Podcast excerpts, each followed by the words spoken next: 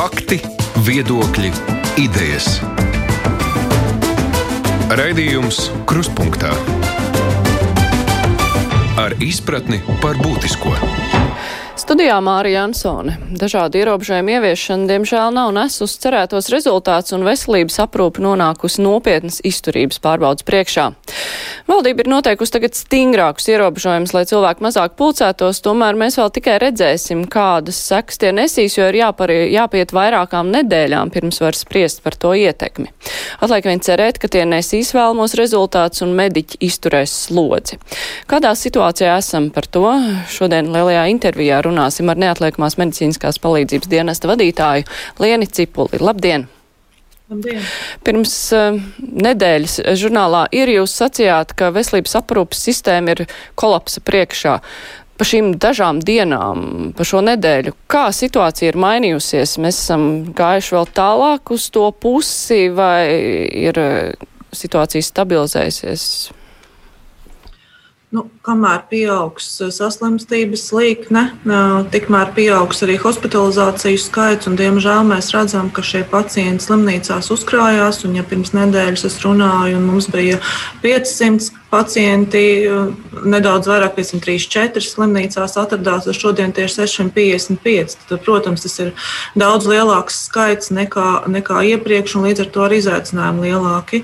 Un jāsaka, protams, ka katru dienu mēs saņemam jaunas ziņas par uh, atsevišķām nodaļām slimnīcās, kurās personāls, personāla trūkuma dēļ nevar nodrošināt noteiktu palīdzību un nepārtraukti lavierējam starp šo situāciju. Tas, kas priecē, protams, ka līdz šim un līdz šai dienai ir izdevies nodrošināt pacientiem palīdzību nepieciešamo un tās gultas vietas tiek rastas. Uh, es gribu arī atzīmēt, ka milzīgu, gigantisku darbu izdara tieši slimnīcu vadītāji, ārsti kuri pielāgo, pārkārto visu savu darbu, pārkārto gultas, pārplāno darbus atbilstoši, lai būtu personāls, kurš ir izkritis no, no, no ierindas, lai šī palīdzība pacientiem tiktu nodrošināta. Bet nu, šobrīd palīdzība, kas tiek sniegta slimnīcās, nu, tā ir tikpat laba kā tad, kad slimnīcas bija tukšākas vai personāla trūkuma dēļ aprūpe ir sliktāka? Es domāju, ka tā aprūpe un tā, tā palīdzība, kas tiek sniegta, noteikti nevar teikt, ka tā ir sliktāka. Sliktākais ir tas, ka atsevišķu pakalpojumu slimnīcas vairs nenodrošina, piemēram, dienas stacionāra atsevišķus pakalpojumus, plānveidu pakalpojumus. Iepriekšējā nedēļā es jau runāju par ierobežotās neatliekamās palīdzības pakalpojumu iespējām. Šie pacienti pakalpojumus saņem tikai iespējams, viņu ceļš uz slimnīcu ir garāks un iespējams viņi nenonāk tajā nodaļā nodaļā, kur viņi iepriekš ir ārstējušies ar savu kronisko slimību pāsinājumiem, kas visiem rada stresu, jo daudz biežāk pacients nonāk pie nezināmā ārsta un, un daudz biežāk ārstam nāk uh, priekšā nezināmi sarežģīti pacienti. Un, protams, tas viss rada uh, zināmu spriedzi, uh, bet par ārstniecības aprūpas kvalitāti es domāju, ka nē. Jā, šis uzga, uz, uzņemšanā pavadītais laiks noteikti ir vēl vairāk paildzinājies, jo iepriekšējā laikā jau tās bija bija vietas, dažreiz pacienti 4 pat 6 stundas gaidīja atsevišķos gadījumos kādu. kādu izmeklējumu vai nonākšanu nodaļā, tad pašlaik daudzās slimnīcās pacienti izolatoros gaida savus testa rezultātus pat 24 stundas. Bet eh, runājot par covid pacientiem, vai šobrīd neatliekamās medicīniskās palīdzības dienests jau tā kā vairāk šķiro, ko vest un ko nevest uz slimnīcu, vai pagaidām vēl šķirošana tāda nenotiek, jo jūs minējāt 655 gultas ir aizņemtas, eh, tur vairs nav daudz vietas, un eh, tās var šīs nedēļas laikā aizpildīt to, kas tagad ir brīvs kaut kā skatoties eh, uz nākotni, jau tagad eh, tiek domāts par to, kā mazāk aizpildīt šīs gultus? Nenoliedzami, un īstenībā mēs to darām jau vismaz divus mēnešus. Patiešām tiek ļoti izvērtēti tie gadījumi vai tie pacienti, kuriem tiešām ir jānonāk slimnīcā, un daudz biežāk pacienti, kuri var ārstēties ambulatori un kuriem nav simtprocentīgas indikācijas stacionēšanai, tiek novirzīti pie ģimenes ārstiem vai arī saņem konsultatīvo palīdzību. Un jāsaka, nav arī tā, ka visi covid pacienti, kas mūs izsauc, ja viņiem ir nu, teiksim, tā smagāka slimības gaita, kā varbūt viņi paši ir gaidījuši, tiek uzreiz stacionēti. Mēs veicam šo šķirošanu, jā, bet atbilstoši hospitalizācijas algoritmiem. Pašlaik nav tā, ka cilvēks, kuram būtu jānonāk stacionārā, tur nenonāk. Iepriekšējā laikā varbūt atcerieties, garas diezgan diskusijas ir bijušas par šiem sekundāru tipa izsaukumiem, kas mums bija lielā skaitā. Jā, to skaits ir samazinājies. Mēs daudz vairāk, nu, teiksim tā, šos pacientus tomēr novirzam pie viņu ģimenes ārstiem vai konsultatīvi. Bet kādos gadījumos cilvēki visbiežāk, covid pacienti visbiežāk sauc mediķus ar kādām sūdzībām? Un, un nu, kā pēc tam tiek izvērtēts, tad kāpēc viņi paliek mājās, kāds vai tiek vests līdzi, kas ir tie parametri galvenie? Nu, eh, galvenais tiek vērtēts kopējais pacienta stāvoklis, un tie kriteriji ir pietiekoši daudz, eh, sākot ar to, to kura saslimšanas diena pacientam ir, kāds ir viņa blakus eh, saslimšanas vai arī pacienta vecums. Ehm, protams, ļoti nozīmīgi ir šis pneimonijas rādītājs. Ja mēs konstatējam, ka Covid saslimšana jau noris un ir sākusies pneimonijas gaita, tad arī tas ir rādītājs, lai dotos uz slimnīcu un nu, jau iz, daudz kur izanalizētā šie skābekļa rādītāji, piesātinājums asinīs, kas vienmēr tiek mērīts, un tad pieņemt atbilstoši lēmumi. Bet, protams, ka tās situācijas var būt arī saistītas ar dažādām blakus saslimšanu, vēl pāsināšanās iespējām, kāpēc pacients tiek stacionēts. Un dažkārt Covid pats noris bez simptomiem, bet pacients ir pozitīvs un viņam ir no, noritoša kāda cita saslimšana. Tad, tad viņš arī tiek hospitalizēts iespējams ne tāpēc, ka viņam ir Covid nopietna norise, bet tāpēc, ka viņam papildus insultam e, ir arī šī infekcija, un viņš līdz ar to nonāk e, Covid nodaļā. Tā, kā, tā pateikt, ka, ka visi pacienti ir ļoti stingri kriteriji, nu, teiksim, ļoti konkrēti, kur, kuriem ir jāizpildās, lai pacients tiktu stacionēts, tā es nevarētu teikt, bet ir e, vesels tāds kopums, kas jāņem vērā vienmēr. Ir cilvēki, kuri pārāk vēlu izsauc palīdzību, Covid pacienti. Mums ir bijuši saskarē ar pacientiem, kuri, diemžēl, nav, nav um, vēlējušies vai sazinājušies laicīgi arī ar savu ģimenes ārstu. Pašlaik šajā, uh, šajā situācijā pēdējās nedēļās tādu situāciju ir mazāk, jo lielākoties pacients tātad caur ģimenes ārstu jau tiek novirzīts uz testu. Līdz ar to ģimenes ārstam ir arī uh, precīzāka informācija, ka pacients ir, ir vai nav pozitīvs, un līdz ar to varbūt tā saziņa tomēr veidojās. Iepriekšējā laikā mēdz būt situācijas, ka pacients pats brīvprātīgi brīvprātīgi devās uz testu, un pat ģimenes ārsts par to netika informēts, tad, tad, tad bija tādas vairāk. Un vēl jāatzīmē, ka bieži vien Covid pacientiem ir šī psiholoģiska, emocionāla liela spriedze un slodze no, no, no notikumiem, kas ar viņu tagad būs, neziņas. Tādā ziņā, ka dažiem ir bailes no šīs slimības, protams, dažiem ir grūtības ievērot izolācijas nosacījumus, un arī šādos gadījumos ir vajadzīga mediķu papildus palīdzība. Ir gadījumi, kad uh, nomirst mājās no covid, vai esat redzējuši, saskārušies? Jā, tādi gadījumi ir. Uh, nu, viens ir nomirt mājās, un mēs esam jā, bijuši arī izsākumos, kur jāveic reanimācijas pasākumi salīdzinoši jauniem cilvēkiem, un tas tie nav bijuši sekmīgi. Un ir arī situācijas, protams, sociālās aprūpas centros, ko var uzskatīt par cilvēku mājvietām, un arī tur šādas situācijas pašlaik jau ir realitāte. Cik daudz no visiem izsaukumiem ir eh, izsaukumi pie covid pacientiem? Nu, kopumā mēs diennaktī veicam kaut, kā, kaut kur 700, 800, 900 izsaukums. Mainīgas ir dienas. Tad Covid pacienti ir no šiem apmēram 10%, 60, 70, 80 izsaukumu pie pacientiem ar Covid saslimšanu apstiprinātu vai ar aizdomām par Covid saslimšanu. Tā kā apmēram 10% no izsaukumu skaita pašlaik ir tādi. Bet kādi ir novērojumi vai reģionos ar covid slimot ir bīstamāk? Nu, respektīvi, nu, ja mēs skatāmies pēc pieejamās aprūpes vai arī nonākt eh, kādā reģionālajā ārstniecības iestādē, kur ir kaut kas mazāk, kad pakalpojumi pieejami, kā jūs vērtētu? Mm, es nedomāju, ka tā būtu pareizi vērtēt, jo jau arī agrākā laikā, un arī tagad darbojas ļoti tādi algoritmi, ko ārsti var izmantot gan konsultatīvā atbalsta nodrošināšanai stacionāros, gan arī gadījumos, ja kāda slimnīca nevar nodrošināt atbilstošu palīdzību, neatliekamās palīdzības dienests transportē šo pacientu uz atbilstošāku stacionāru. Un šajā laikā tas notiek visos virzienos. Jāsaka, mēs nu, nu jau nodrošinām ne tikai izsaukumus un nogādāšanu pacientu stacionārā, bet arī nogādāšanu no zemāka līmeņa stacionāru uz augstāku, vai gadījumos, kad vajag atbrīvot tātad ļoti svarīgās neatliekamās gultas, bet pacientam ir jāturpina ilgāka ārstēšana, viņš tiek nogādāts zemāka līmeņa stacionārā, kur viņš šo ārstēšanos var pabeigt. Tā kā mm, šīs iespējas ārstēšanas varētu vērtēt kā vienlīdzīgas kā reģionos, tā Rīgā. Atsevišķos gadījumos, kad ir nepieciešama tieši Rīgas speciālistu iesaistīšanās, tad pacients tiek transportēts. Un ļoti daudz ir konsultatīvais atbalsts pašlaik un nodrošina neatliekamās palīdzības dienesta struktūra vienības speciālais medicīnas centrs. Un arī mūsu doktori dodas uz slimnīcām, lai atsevišķas manipulācijas palīdzētu kolēģiem veikt, ja tā ir nepieciešama. Bet kāda ir sadarbība ar ģimenes ārstiem? Ģimenes ārsts saņem informāciju tad, ja ir saukta ātrā palīdzība.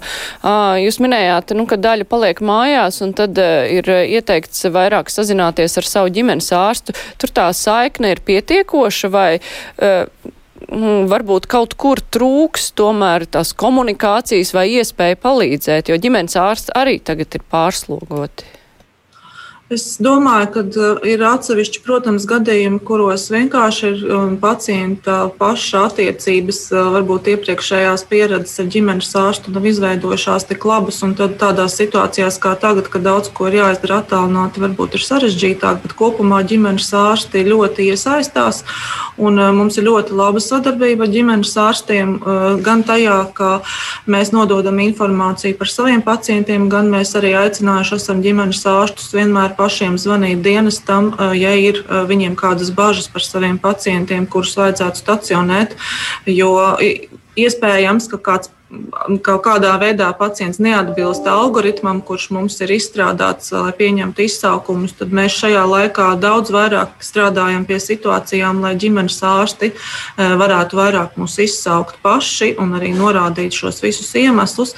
Jā, protams, mājas vizītes ģimenes ārstiem ir palikušas retākas un mazāk, un līdz ar to e, varbūt veidojās dažkārt situācijas, vēl, kuras mums ir jāsaprot, kā labāk risināt, it sevišķi tā ir hronisko pacientu aprūpe un kura ir tā robeža šķirtne, kur tad, tad pacients vēl var palikt mājās un kur tomēr ir jāmeklē šīs stacionēšanas iespējas. Bet kopumā šī sadarbība, es domāju, šajā laikā tieši ir vēl tieši kļuvusi labāka nekā varbūt tas bija iepriekš pirms Covid. Un tomēr cik tālu mēs esam līdz tam, lai neatliekamā palīdzība kādu nevestu slimnīcu, kuram, kuru varbūt tagad vestu, jo tās covid gultas jau arī nevar bezgalīgi palielināt. Es jau minēju, ka mm, iepriekšējā laikā mēs daudz vairāk nogādājām stacionāros pacientus arī ar sekundārām diagnozēm, ar eh, sekundārām problēmām. Eh, nu, iespējams, lai viņi ātrāk tiktu varbūt pie kāda izmeklējuma vai varētu sakārtot terapiju. Pašlaik mēs aicinām tomēr cilvēkus vairāk sazināties ģimenes ārstiem un terapiju maksimāli koriģēt mājas apstākļos, ja ir tāda iespēja. Jo, protams, ir jāsaprot, ka arī slimnīcām uzņemt šādus robežas pacientus, kur īsti nav simtprocentīgas indikācijas stacionēšanai. Pašlaik tā ir papildus slodze. Visiem ir jāveic testi, visiem jāatrodas izolācijas gultās, kamēr noskaidro viņu covid statusu. Tas viss ir arī diezgan sarežģīti un pat varētu teikt mokoši priekš pašu pacienta. Ja viņa problēma nav tik neatliekama, tad tas ir tikai pareizi, ka viņš mēģina to atrisināt ārpus stacionāras sienām.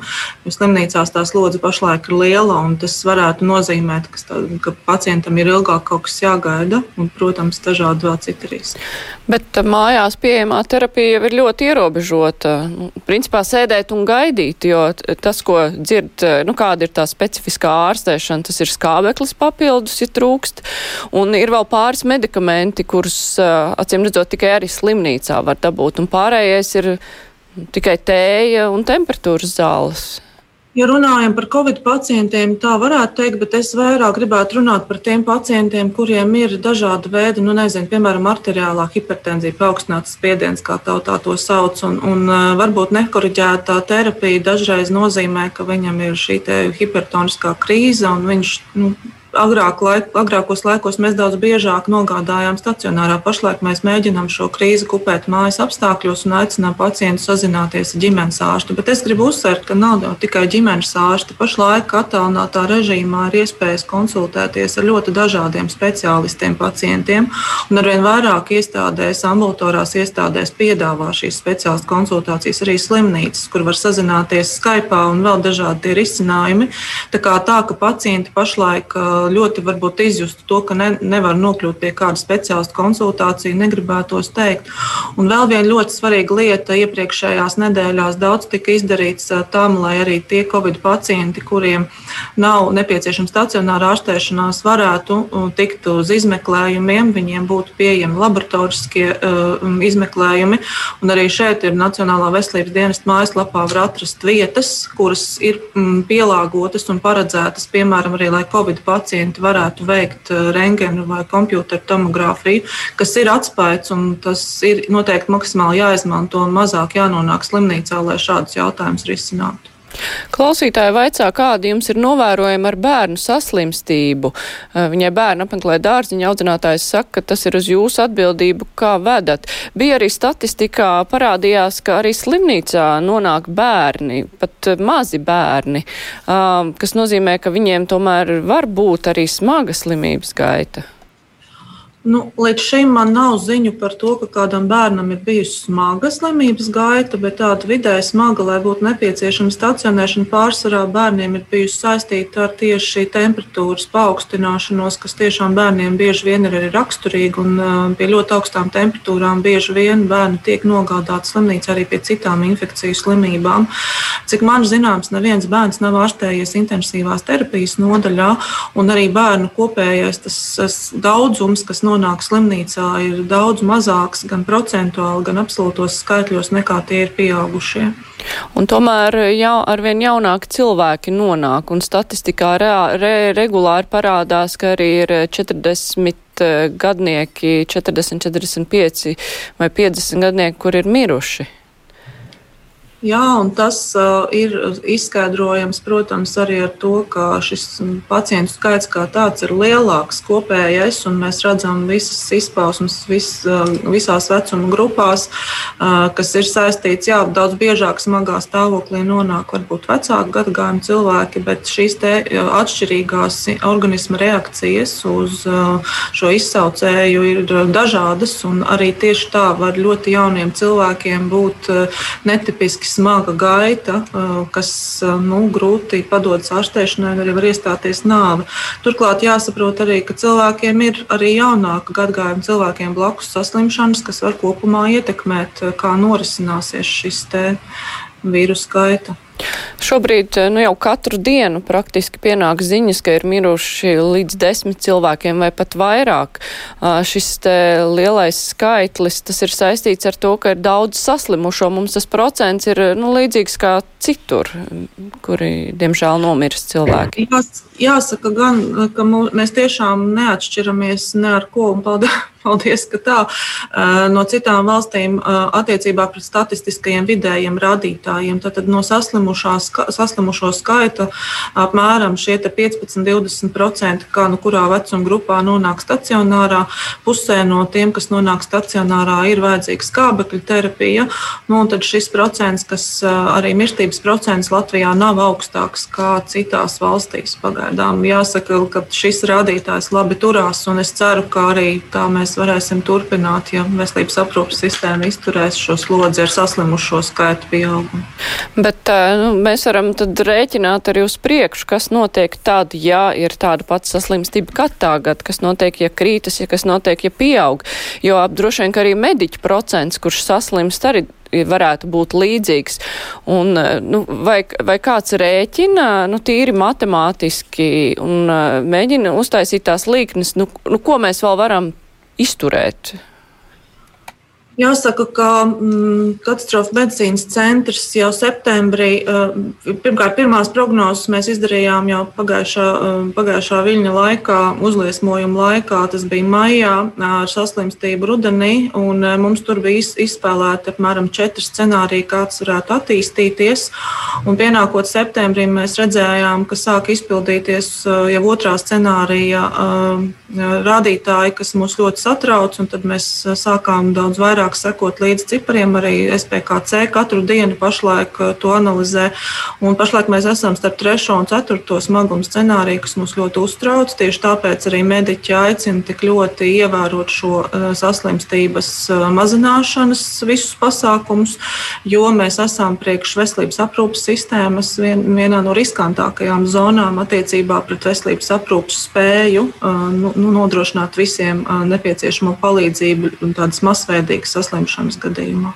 Bet, ja tas viss bija tik prognozējams, tik ļoti prognozēts, vai nav nepiedodami, ka mēs nebijām gatavi tam? Vismaz šobrīd izskatās, ka mēs visu darām pēdējā brīdī. Es teikšu, nē, pat tas, ko mēs prognozējām, mēs varam pateikt kaut ko par gultu skaitu, kā tādu, par telpām, par skābekļa balonu daudzumu, kas būs nepieciešams, par ierīcēm, bet mēs nevaram sagatavot īsā laikā no māja līdz oktobrim nepieciešamo personālu.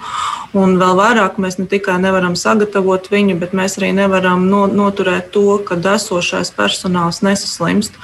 Un, ja mums būs kāds klupiens lielāks tieši veselības aprūpas sistēmā, tas būs saistīts ar ne, nepietiekamu personālu. Un es domāju, ka iepriekšējā laikā daudzi atceras, ka mēs runājām par milzīgām virsstundām, ko mediķi strādāja gadiem virs tā atļautā, ko strādāja kurš cits darbinieks, darba ņēmējs un, un tā slodze bija liela jau pirms tam. Mēs gājām uz to, lai mazinātu šo virsstundu skaitu un cik sarežģīti bija nodrošināt atsevišķu pakalpojumus. Piemēram, dienests veica pilnīgi reformas ar brigāžu sastāviem un vēl dažādas pasākumus, lai šos pakalpojumus varētu nodrošināt neatliekamā palīdzība pirmkārt. Bet arī slimnīcās mēs zinām, ka maz, ka mēs strādājam virsstundas, tad mums vēl ir raksturīgs, ka mediķi strādā vairākās darba vietās.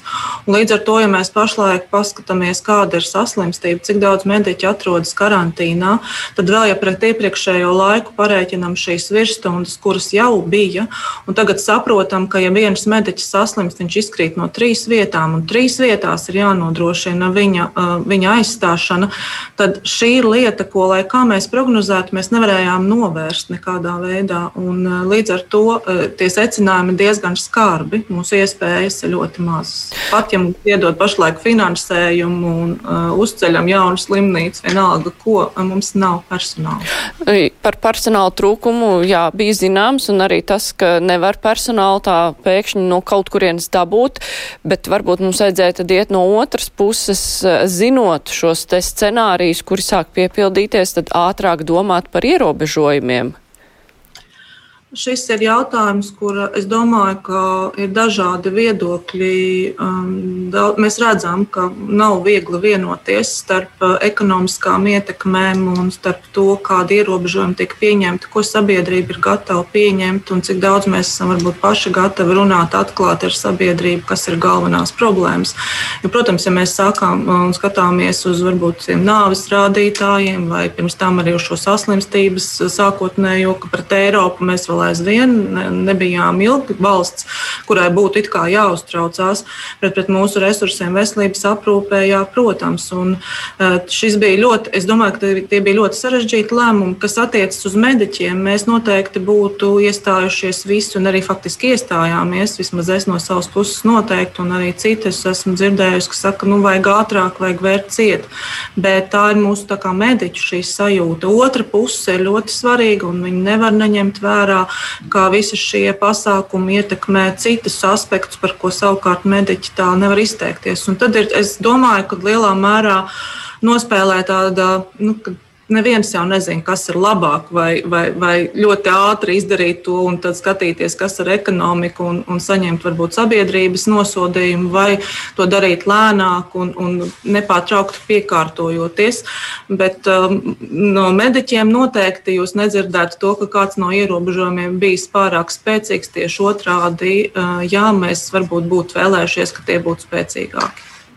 Bet uh, Covid, diemžēl, nonāk arī ārstniecības iestādēs. Pagājušās nedēļas beigās uzzinājām, ka tas ir nonācis arī onkoloģijas centrā. Tur bija ļoti daudz saslimušo.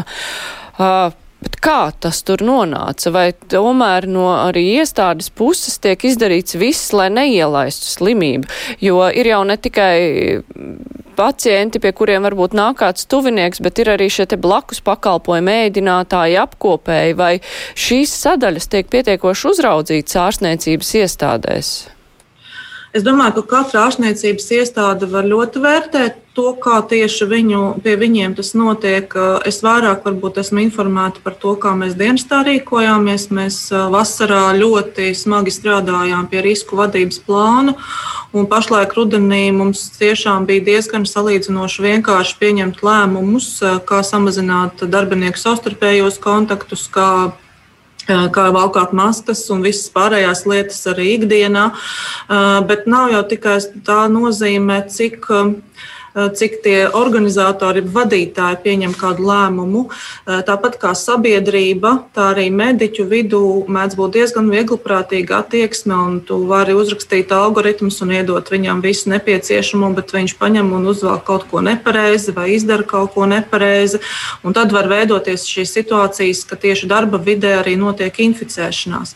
Lielākoties gan inficēšanās notiek ārpus darba vides. Tas jāsacina no tā vismaz, ko mēs mēs redzam dienestā. Eh, un arī darbinieki paši atzīst, ka tad, kad viņi strādā ar covid pacientu, viņi ir pilnīgi saģērbušies, viņi ir nobraņojušies un viņiem tā sajūta un tas drošības, eh, drošības sajūta ir augstāka. Bet ārpus izsaukumiem, kontaktās, brigāžu atbalsta centros, punktos, eh, sadzīves kontaktos, ģimenes kontaktos, viņiem ir tikpat lieli, lieli riski saslimt. Un, ja gadījumā šis nu, netiek noķerts laicīgi šis gadījums vai nu ģimenē, ģimenē, vai pats darbinieks neizjūt nekādus simptomus un dodas uz darbu, tad var izveidoties situācija, ka viņš veicot darba pienākumus, neatbilstoši iespējams lieto arī šo aizsardzību. Eh, nu, tad veidojās šie lielie uzliesmojumi arī ārstniecības iestādēs. Un ne tikai ārstniecības iestādēs, bet arī sociālās aprūpas centros, un arī tur šī liela problēma jo tā tad nevis darbinieki saslims no pacientiem, bet tieši otrādi pacienti saslims no darbiniekiem. Cik liels, cik daudz saslimušo ir un karantīnā esošo jūsu dienestā šobrīd?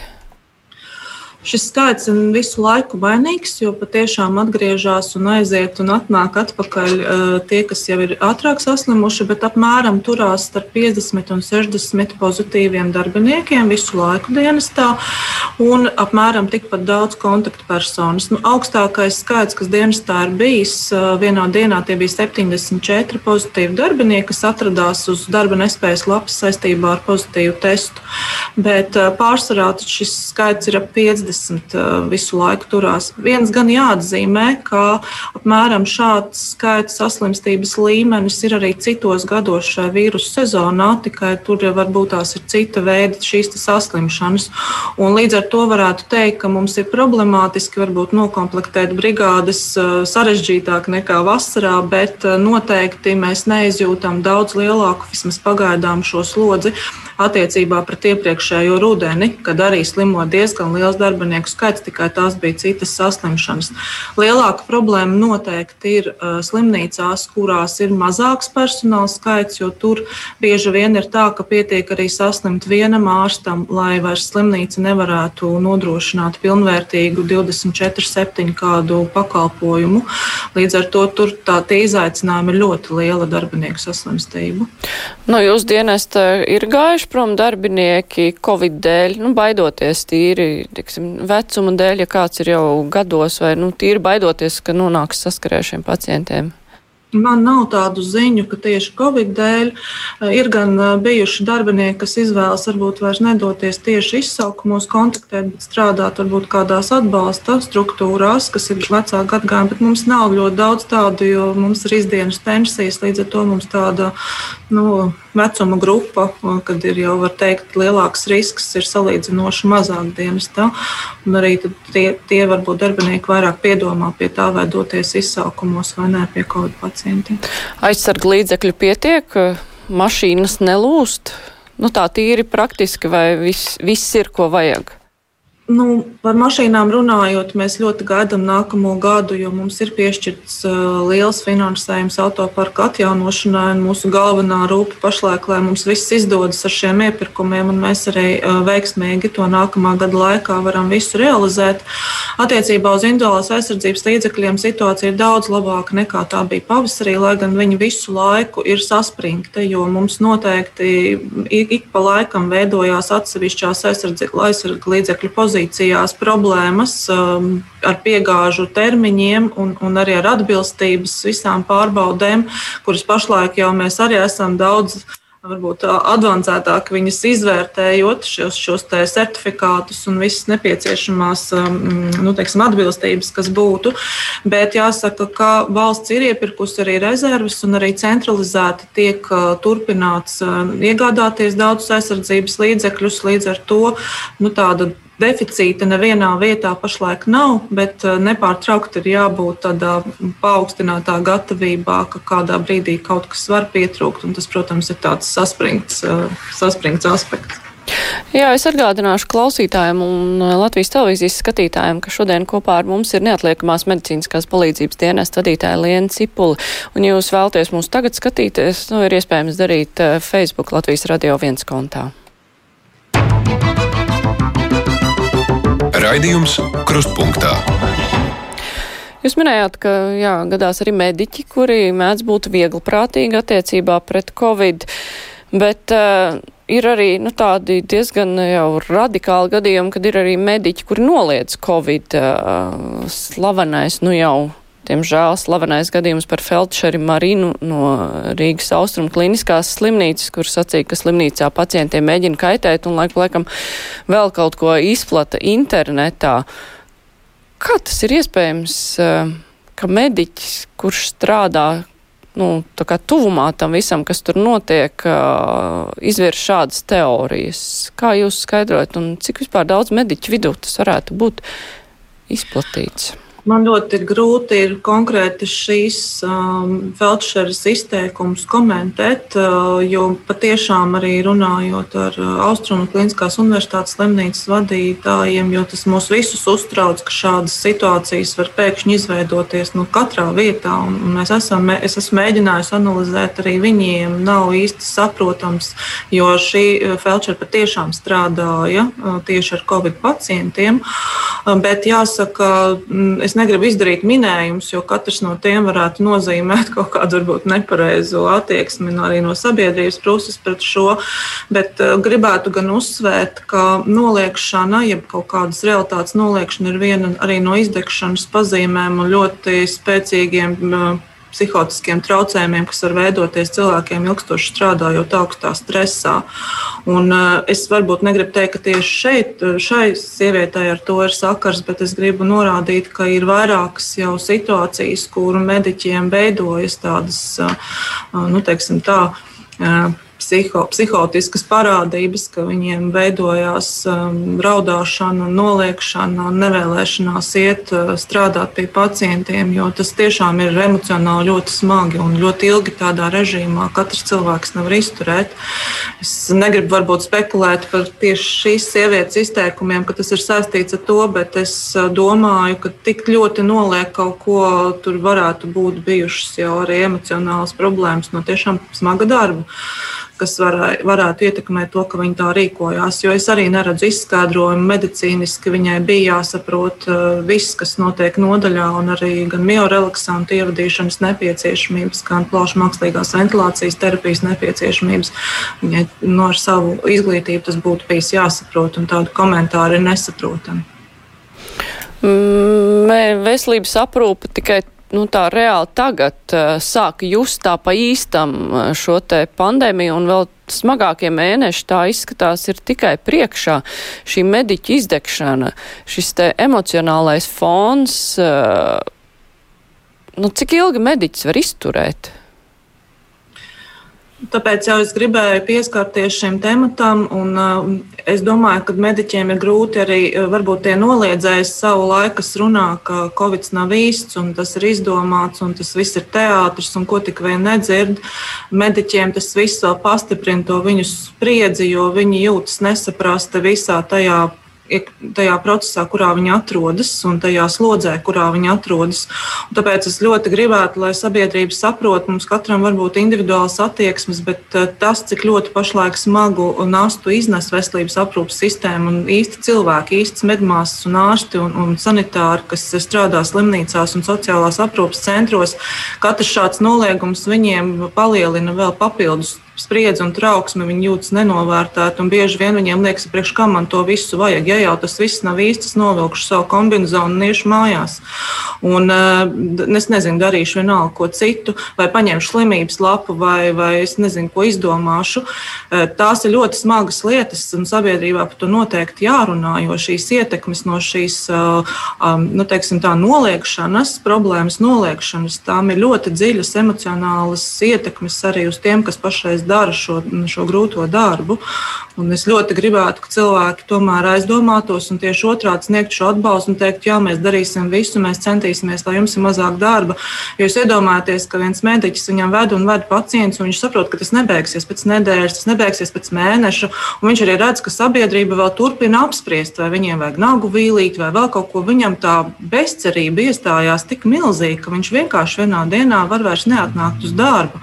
Un šie riski ir pieredzēti atsevišķās valstīs, piemēram, Spānijā bija, ka vienkārši uz sociālās aprūpes namiem cilvēki vienkārši neatnāca uz darbu. Un eh, tur atradās pilns ar pacientiem, kuriem bija vajadzīga palīdzība, un kuri arī mīra eh, no šī stāvokļa, ka viņi, viņi to palīdzību nesaņēma. Un eh, tā ir tikai tāpēc, ka realitāti tu nevari nosodīt, jo tie cilvēki, kas iznes šo smagumu, tas ir mm, pietiekoši nozīmīgi. Un, ja viņi neredz tam galu un malu, un pat neredz to apņemšanos sabiedrībā līdz galam izdarīt visu, un neredz to pa visu perimetru, uh, un redz vēl aicinājums, ka mums ir jātaisa protesti un mums ir jāraksta iniciatīvas un jāparaksta kaut kādas tur mana balss LV kaut kas, e, tas viņam rada bezcerību, ka vispār tas nekad nebeigsies. Mums būs tikai sliktāk un sliktāk un sliktāk. Un, un tās ir lietas, par kurām noteikti ir e, nu, padziļināti ar sabiedrību jādiskutē un jāpasaka, kas tad ir tas, no kā mēs baidamies, no, kāpēc mēs tik ļoti aicinām ievērot ierobežojumus. Bet varbūt daļa sabiedrības neustver Covid nopietnību, jo, nu, tā ir tāda anonīma slimība. Tāda, nu, statistikā masmediji ziņo tik un tik saslimuši, tik un tik vēl raksta personas mirušas, tā it kā pat tie nebūtu cilvēki vecuma grupā tādā un tādā. Un mēs reāli nezinām, vai tam nomirušajam 45 gadniekam, vai viņam palika bērni. Mēs nezinām uh, par kurš sēro par uh, veco kundzi vai veco kungu, kurš nomira, varbūt ir jāpadara tas mazāk anonīmi. Varbūt te ir darbs masu mēdījiem stāstīt, ka tās ir reāls dzīves. Vai arī, piemēram, ja aizved ātrā palīdzība vecāku slimī, slimnīcas, vai, vai jūs saskaraties ar to, ka paliek mājās mazi bērni? Vai tādi gadījumi notiek, jo tās ir lietas, kas varbūt var kādu stīgu aizķert dvēselē?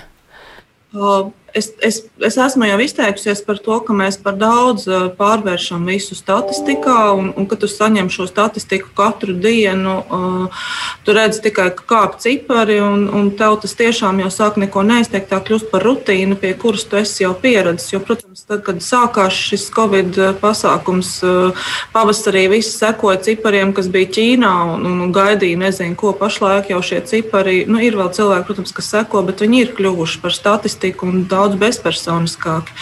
Noteikti ir mums gadījumi, ka mums paliek mazi bērni, un mums ir gadījumi, ka vecāks viens atrodas jau stacionārā, un otrs paliek mājās ar bērniem un atsakās no stacionāra ārstēšanas, lai gan tā būtu nepieciešama, jo viņiem ir mazgadīgi bērni. Tad ir jādomā, kā šo situāciju risināt, lai tomēr šis cilvēks nonāk stacionārā un saņem savu palīdzību. Jā, tādas situācijas ir bijušas, tās ir ļoti, ļoti smagas, un arī mediķiem ļoti smagas, un arī vecākiem ļoti smagas. Jo šī slimība ir tāda, ka tu nevari pasaukt, pieskatīt omīti vai vēl kādu, un, un, un tas viss kļūst ļoti sarežģīti atsevišķās ģimenēs. Vēl noteikti tas, ka, protams, šī te, mm, stigmatizācija tomēr ir notikusi. Ne katrs pacients ir gatavs runāt, ka viņam ir šis, šī covid diagnoze. Bieži vien varbūt uzskata, ka viņš ir saslimis bezatbildības pēc vai bijis nu, teiksim, neievērojis kaut kādus noteikumus. Cilvēki baidās līdz ar to izpaust to. Un, un tad ir arī šī vainošana, kolēģis mani aplaida un, un viss tādas lietas. Tās ir ļoti sarežģītas emocionālas ķēdes, ko cilvēki pašlaik izdzīvo. Tāpēc arī ir sarežģītāk runāt par šīm situācijām.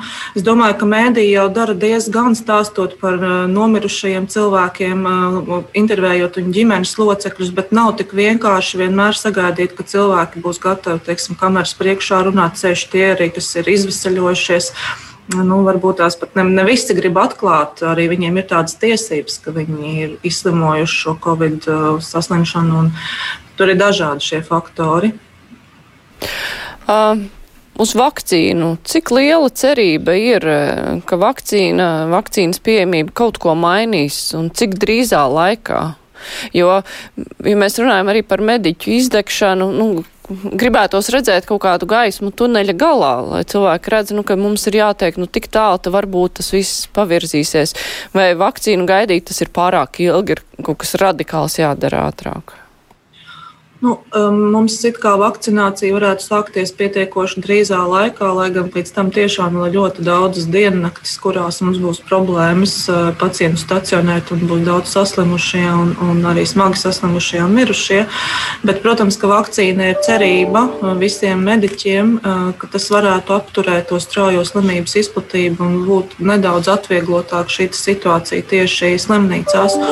Un mēs pilnīgi skaidri apzināmies, ka šie pašreizējā situācija, kas veselības aprūpē atti, attīstās, faktiski nāk ar riskiem, ka tad, kad mums arī šī covid saslimstība mazināsies, mums būs pietiekoši daudz vēl ielaistu hronisku dažādu situāciju pacientiem, kur būs jāsniedz un, un kur atkal šie riski dažādām problēmām varētu turpināties un stacionēšanas gadījumu skaits varētu pieaugt tieši dēļ ar, ne, ne tieši ar covid saistītām diagnozēm. Un tāpēc arī ir šie nu, teiksim, centieni maksimāli ilgi saglabāt eh, visas iespējas pacientiem saņemt ambulatoru palīdzību, plānveidu palīdzību, lai šī slodze eh, nebūtu tik liela un nepalielinātos mirstība no citām slimībām, eh, tāpēc, ka mums ir nepieciešamība ārstēt covid pacientus. Pavasarī jau bija uz laiku slēgti plānveidu pakalpojumi. Kādas sekas tas nesa? Tas ir kaut kā jau apkopots.